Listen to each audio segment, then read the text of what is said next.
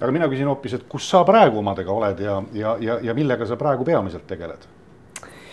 mina, ma olen niisugune hunt kriimsilm, et äh, ma tegelen kõigega, mis äh, mind kõnetab ja neid asju on palju äh,. aga põhiline asi, mis on niisugune punane niit, mis võib-olla kõikidest minu tegevustest läbi jookseb ja on juba aastaid jooksnud, on äh, juhtimiskvaliteet.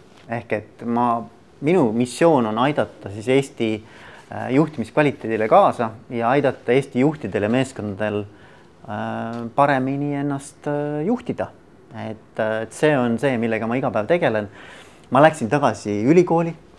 Äh, ma olen nüüd doktorantuuris Tartu Ülikoolis, õpin jällegi juhtimist. Ähm, teen sedasama juhtimise podcast'i juba kuus pool aastat. Äh, käin, annan koolitusi, coach in inimesi, meeskondi. Ähm, nii et noh, see on minu igapäevane elu, nii et ja ma olen väga rahul mul muide küsis äh, ühel konverentsil, kus ma käisin äh, esinemas ja rääkisin ka oma podcast imisest ja mis ma sealt õppinud olen, äh, küsis Taavidi omanik ja juht, öelge nüüd mulle see nimi. Alar. Alar Tamming, jah, küsis mu käest pärast seda esinemist, et Veiko, et, et millist ettevõtet sina tahaksid juhtida? ma ütlesin, et ma ei taha ettevõtet juhtida, ma, ma teen täpselt seda, mis mulle väga meeldib. Ja ma olen väga rahul. Ja ma olen sinuga sama, sama meelt, sellepärast et et e, ega ajaloomuuseumis ka mul ei olnud illusiooni, et ma suudan ajaloodoktorit või, või, või, või seal koguhoidjatega neile midagi, midagi nende tööle nagu väga lisada, aga see, mida juht peabki tegema, et leida, leida üles need inimesed, kes teevad neid asju kõige paremini, mis neil kõige paremini välja tulevad. ja teiselt poolt ka seda, et, et luua see platvorm ja, ja keskkond, kus talent õitsele lööb, eks ju kuidas, kuidas sinu hinnangul on, on, on juhtimiskultuur muutunud, ütleme, võtame nagu laias laastus viimase, viimase kümne aasta jooksul, et, et, et kas selline nii-öelda vertikaalne dimensioon on asendunud totaalselt sellise horisontaaldimensiooniga, et kas kõik on nüüd võrdsed ja annavad käppa üksteisele ja mingeid hierarhiaid ei ole või, või, või, või, või, või milline see mudel õigupoolest siis on praegu? selline, ütleme, või ma, millised muutused on juhtimises peamiselt aset leidnud? ma arvan, et see pilt on hästi erinev, et äh, tegelikult on Eesti juhtimiskultuuril väga palju kaasa aidanud kunagine nii-öelda Skandinaavia pealetung kui nii võib öelda, et ma arvan, kõik need Swedbankad, SEB-d, kõik need Rootsi omanikud, Soome investeeringud, see kõik on toonud tegelikult siia ka väga palju sellist juhtimisteadmist, äh, mida siin ennem ei olnud. Ja ma arvan, et see on nagu väga palju mõjutanud meid ja ma ütleks, et pigem positiivses suunas on ju samas on ettevõtteid, kus on ikkagi see põlvkond äh, siiski veel domineeriv äh,, mis võib-olla oli seal äh, nõukogude aega lõpus, eks ju, et et ka seda kohtab ikkagi päris palju. kusjuures ma alati räägin seda minu arvates ükski juht, ükskõik, mis tema juhtimisstiil on, eks ole ta võib meile meeldida või mitte meeldida, aga ta on õppinud selle kunagi ära. Et nagu, et ei tasu mõelda, et keegi juht on selline, nagu ta on, sellepärast et ta tahab halba. et tema ise on õppinud niimoodi elus hakkama saama mingil hetkel. see muster, mis tal on välja kujunenud, on kuidagimoodi nagu tema õppimiskõvera järgi nagu õige, on ju. ja ta ei ole suutnud nüüd võib-olla selle kohane, noh, selle keskkonnaga kohaneda piisavalt. et okei okay,, maailm on läinud eest ära, tema on jäänud oma mudeli juurde. Aga et äh, seda ei tasu pahaks panna selles mõttes, et ta oleks nagu teadlikult halb juht vaid et ta ei oskagi teistmoodi ja mingis mõttes mul on olnud ka selliste juhtidega tegemist, kes ütlevad, et, et ma saan aru, Veiko, millest sa räägid. ma ratsionaalselt saan aru aga ütle nüüd mulle, et kui me päriselt mingi muutuse ellu viime, et siis asi halvemaks ei lähe. tal on päriselt hirm, et kui ta muutub ise ja tema organisatsioon muutub, et võib-olla siis laguneb kõik käest ära ja inimesel on see nagu mitte nagu noh, see on tal päriselt nagu sa vaatad, sa näed, et ta kehaliselt on hirmul selle pärast on ju. et, et, et selles mõttes tasub nendest inimestest aru saada, kes ei ole veel täna võib-olla noh, suurt muutust läbi teinud, eks ju võib-olla see on pigem sellise, ütleme ka nõrga ja tugeva juhi nagu probleem, et, et, et juhil on nagu hirm paista nii-öelda nõrgana või ehk et, et mõjuda kellenagi, kellel otsustusvõime võib-olla pole nii kirgas, eks ju kes ei ole nagu tank, kes ei, kes järelikult ei suuda ka võib-olla organisatsiooni huve ka väljaspool niimoodi kaitsta. ta muudkui delegeerib, eks ju, on selline ja. pehme, püüab kaasata, räägib läbi selle asemel, et ära otsustada, et sa oled loll, sa tõmbad minema, sa tule tööle mulle, sa oled täitsa ilus.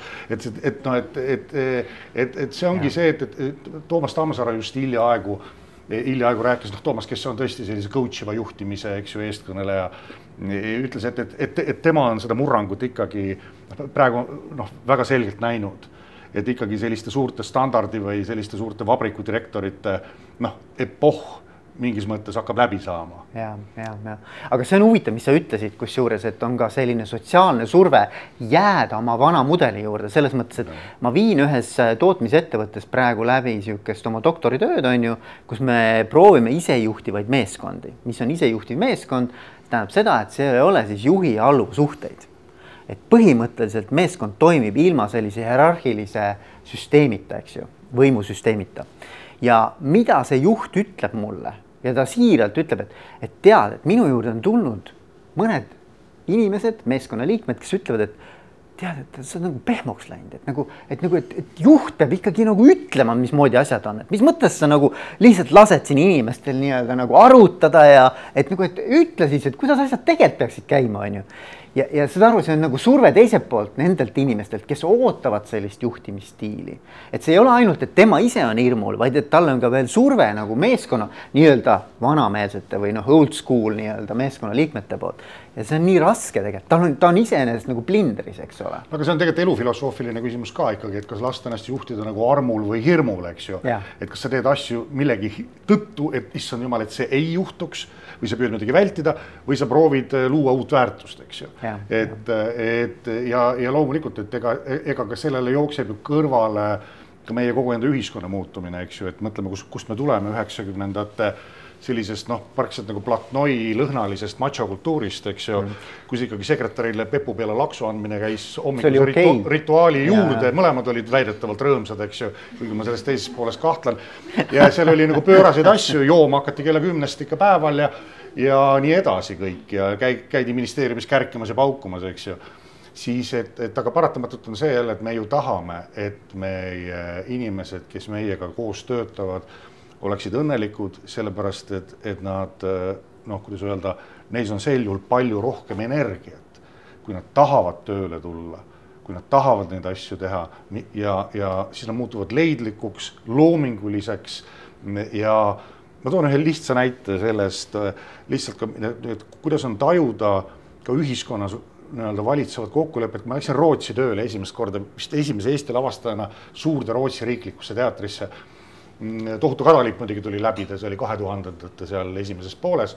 et ja kohaliku ametiühingu nagu kooskõlastused ja kõik see muu ikkagi istusid, et noh, et kas ta ikka ei tee dumpingut, siin tuleb Ida-Euroopast üks mm. noor kutt, eks ju, ja nii edasi.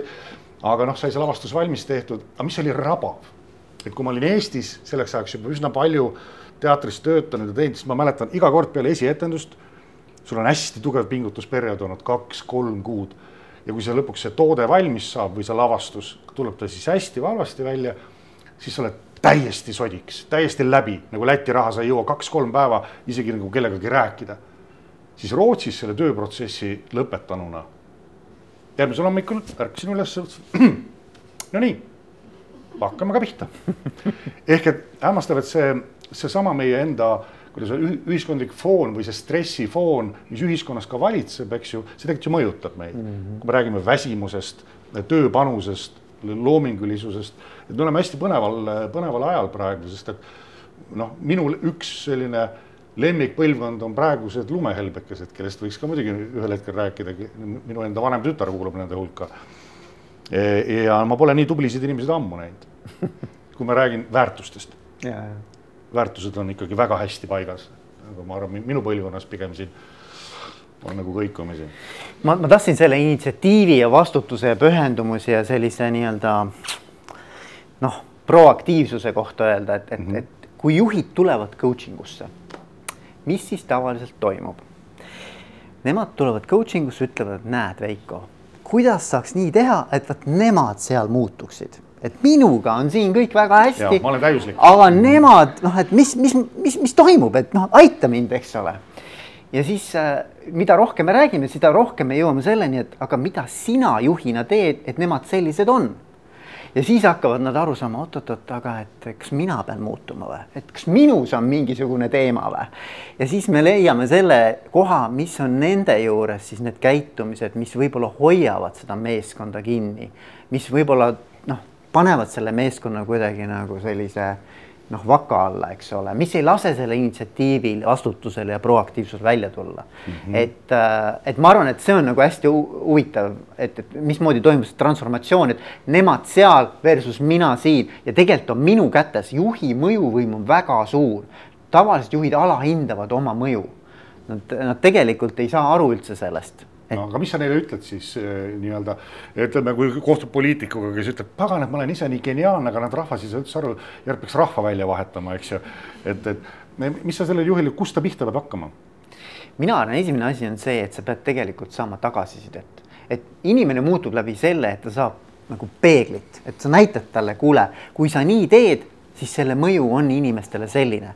ta tegelikult ei saa sellest aru ja inimesed ei anna seda tagasisidet ka, noh, see ei ole, vaata, see on alati nagu, see on nagu, nagu anum, eks ole, et, et, et, et ühelt poolt teed ühtemoodi, siis see mõjutab teist poolt, eks ju. et, et see ei ole ainult juht ka, see on meeskond ka, mida teevad need meeskonnaliikmed, et see juht ei muutuks et samamoodi võib nende käest küsida, et miks sa ei anna seda tagasisidet, on ju. aga ma ei anna sellepärast, et ta on vastu peppe saanud, eks mm.. et selles mõttes esimene, minu arvates esimene samm on see, et kuidas saada võimalikult palju autentset, siirast ja ehedat tagasisidet oma tiimilt okay.. et see on nagu esimene samm, mida me teeme.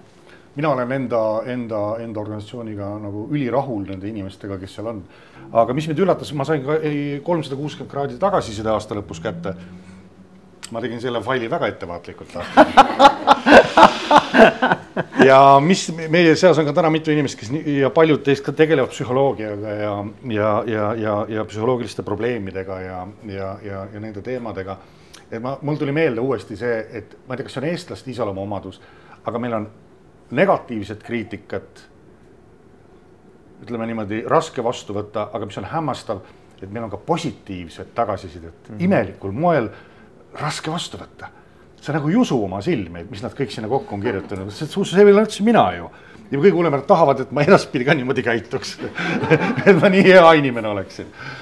et ähm, kui sa nüüd, kui sa coach'id, et ka mina olen, eks ju, läbi teinud selle esi, esimese leveli nii-öelda ja, ja olen nuusutanud seda ja ma tean, Neeme on sellega põhjalikumalt tegelenud ja et mm, kas see nüüd ongi see uus, uus must või, uus, uus juhtimismudel? see coach'i, coach'i juhtimine, mina usun sellesse, ma päriselt usun sellesse, ma arvan, et see on äh,, ma arvan, et see on tulevik üha rohkem me läheme selle poole, kui sa vaatad üleüldse, mis on need juhtimistrendid, eks ole mm, -hmm. siis me räägime kogu aeg empowerment, eks ole, me räägime sellest, et kaasame inimesi rohkem, eks ole. et noh, nii-öelda anname inimestele võimaluse nii-öelda oma sõna sekka öelda, et, et selles mõttes ma arvan, et see, see viis, kui, kui oli selline valgustatud monarh, kes nagu kõi-, kõigile nii-öelda nagu valgust jagas, eks ole, et ma arvan, ma arvan, et need ajad on möödas, ma loodan. Selle taga, see, seal oli ka kiire läbipõlemine, aga ma ütlen selle coach imise võib-olla selline üks põnev tahk on minu jaoks see, et, et kui ka kõik su töötajad võtavad nii-öelda coach iva töötamise sellise hoiaku, et siis juht tuleb, ütleb, et ole hea, et palun tee see ülesanne ära, aga siis see äh, töötaja küsib, aga oled sa ikkagi läbi mõelnud lõpuni? Et sa tahad seda päriselt teha. Et kui kõik seitsekümmend inimest organisatsioonis hakkavad coach ivalt töötama ka, et siis võib-olla me hakkame võib-olla kuidagi kaotama ajas või pole enam nii operatiivsed et järsku me ei, ei, ei seda selles tohutus nii-öelda inimlikkuses ja, ja ärakuulamise ja, ja sallivuse ja, ja, ja, ja sellise hoidva no, soojuses, järsku me kaotame hoopis punkte kusagil. ja, ja, ja, ja tegelikult üks suuri kriitikaid kogu sellise isejuhtimise ja, ja ma ütleks ka coach iva juhtimisstiili vastu on see, et äh, kust tekib see nõudlikkus, vaata, kust tekib see kohustamine, kust tekib see nii-öelda distsipliin ja selline nagu surve, on ju. et aga ma arvan, et selle peab ära tegema eesmärk. Et kui see eesmärk mind ei tõmba mm -hmm., noh, siis ei ole vahet, kui keegi mind surub sinna eesmärgi poole, on ju. mind tegelikult, võib-olla ma isegi ei tea, mis see on, keegi kogu aeg nügib mind kuhugi suunas, on ju, ja ma teen nagu tuulelipp, iga päev saan mingi ülesande, teen jälle ära ja, ja mõtlen, et noh, kõik on väga hästi, on ju. aga ma arvan, et, et tegelikult nagu tulevik, noh, see, see coach'i juhtimisstiil toimib ka siis kui sul endal on väga selge nagu arusaamine, et mille nimel me siin kõik kokku tulnud oleme ja see hakkab tõmbama käima ja tegelikult siis noh, mõelge ise need asjad, mis teid nagu käima tõmbavad. keegi ei pea teid iga hommiku ütlema, et kurat, et tee nüüd rohkem või tee nüüd paremini või tee kiiremini. et tegelikult sa tahad ise, et, et see peab tulema, vaat see motivatsioon peab kuidagi tulema nagu sisse, seest on ju mm. -hmm mina tahtsin, kui, kui palju sa riigiasutustega üldse nagu oled viimasel ajal? väga palju. kas see KAF on endiselt nagu Äh, CAF äh, nii-öelda, äh, nii-öelda kuidas öelda, juhtimiskvaliteedi hindamise mudel, eks ju. või et, et, et mille järgi sina hindad riigiasutuste juhtimiskvaliteeti või millist, millist maatriksit või moodulit sa kasutad selleks? mina olen mõelnud, et tegelikult, kui me räägime juhtimiskvaliteedist, siis iseenesest ei ole nagu minu arvates avaliku sektori ja erasektori vahel nagu minu jaoks vahet. Et selles mõttes see, see kriteerium on ikkagi need inimesed, me tegeleme ju noh, juhtimine tegeleb tegelikult ju inimestega, eks ole. et noh, mõlemas organisatsioonis on inimesed, et, et selles mõttes võib-olla jah, et ütleme, see väljund või see tulemus on noh, noh eri, erinev nii-öelda, eks ju, aga, aga aga noh, mind huvitab ikkagi see inimeste juhtimise kvaliteet, eks ju, et noh, mina, mina seal nagu suurt vahet ei tee ausalt öeldes mm. -hmm. mis sa ütlesid, kolm sellist märksõna siis juhile, mis sa talle paunu, paunu või, või teekonnale kaasa paneksid, mida ta peab silmas pidama, no ühe sa nimetasid, see oli eesmärk, eks ju. suhted. suhted siis. number mõtled... üks teema kusjuures on suhted ja see on ka number üks teema, millega tullakse coaching usse tegelikult. et suhted, et suhted on kõige suurem stressiallikas ja võib-olla ka kõige suurem sellise rahulolu või, või õnnelikkuse või heaolu allikas. et noh, et, et kui me vaatame stressi äh, erinevaid äh, aspekte, mis mm -hmm. on mhm. stressorid töö juures on ju, seal on viiskümmend kuni sada stressorit, olenevad siis sellest uuringust. number üks mõju on inimsuhted. et sellele tuleb nagu, nagu kõige rohkem minu arust tähelepanu pöörata. seega eesmärk, inimsuhted ja kust siis raha tuleb ma räägin sulle kui suhted on korras. tuleb raha ise. siis sa ei pea selle Exceli peale mõtlema, numbrid jooksevad kokku, usu mind. see on maagia, super, aitäh sulle, Veiko. aitäh, aitäh sulle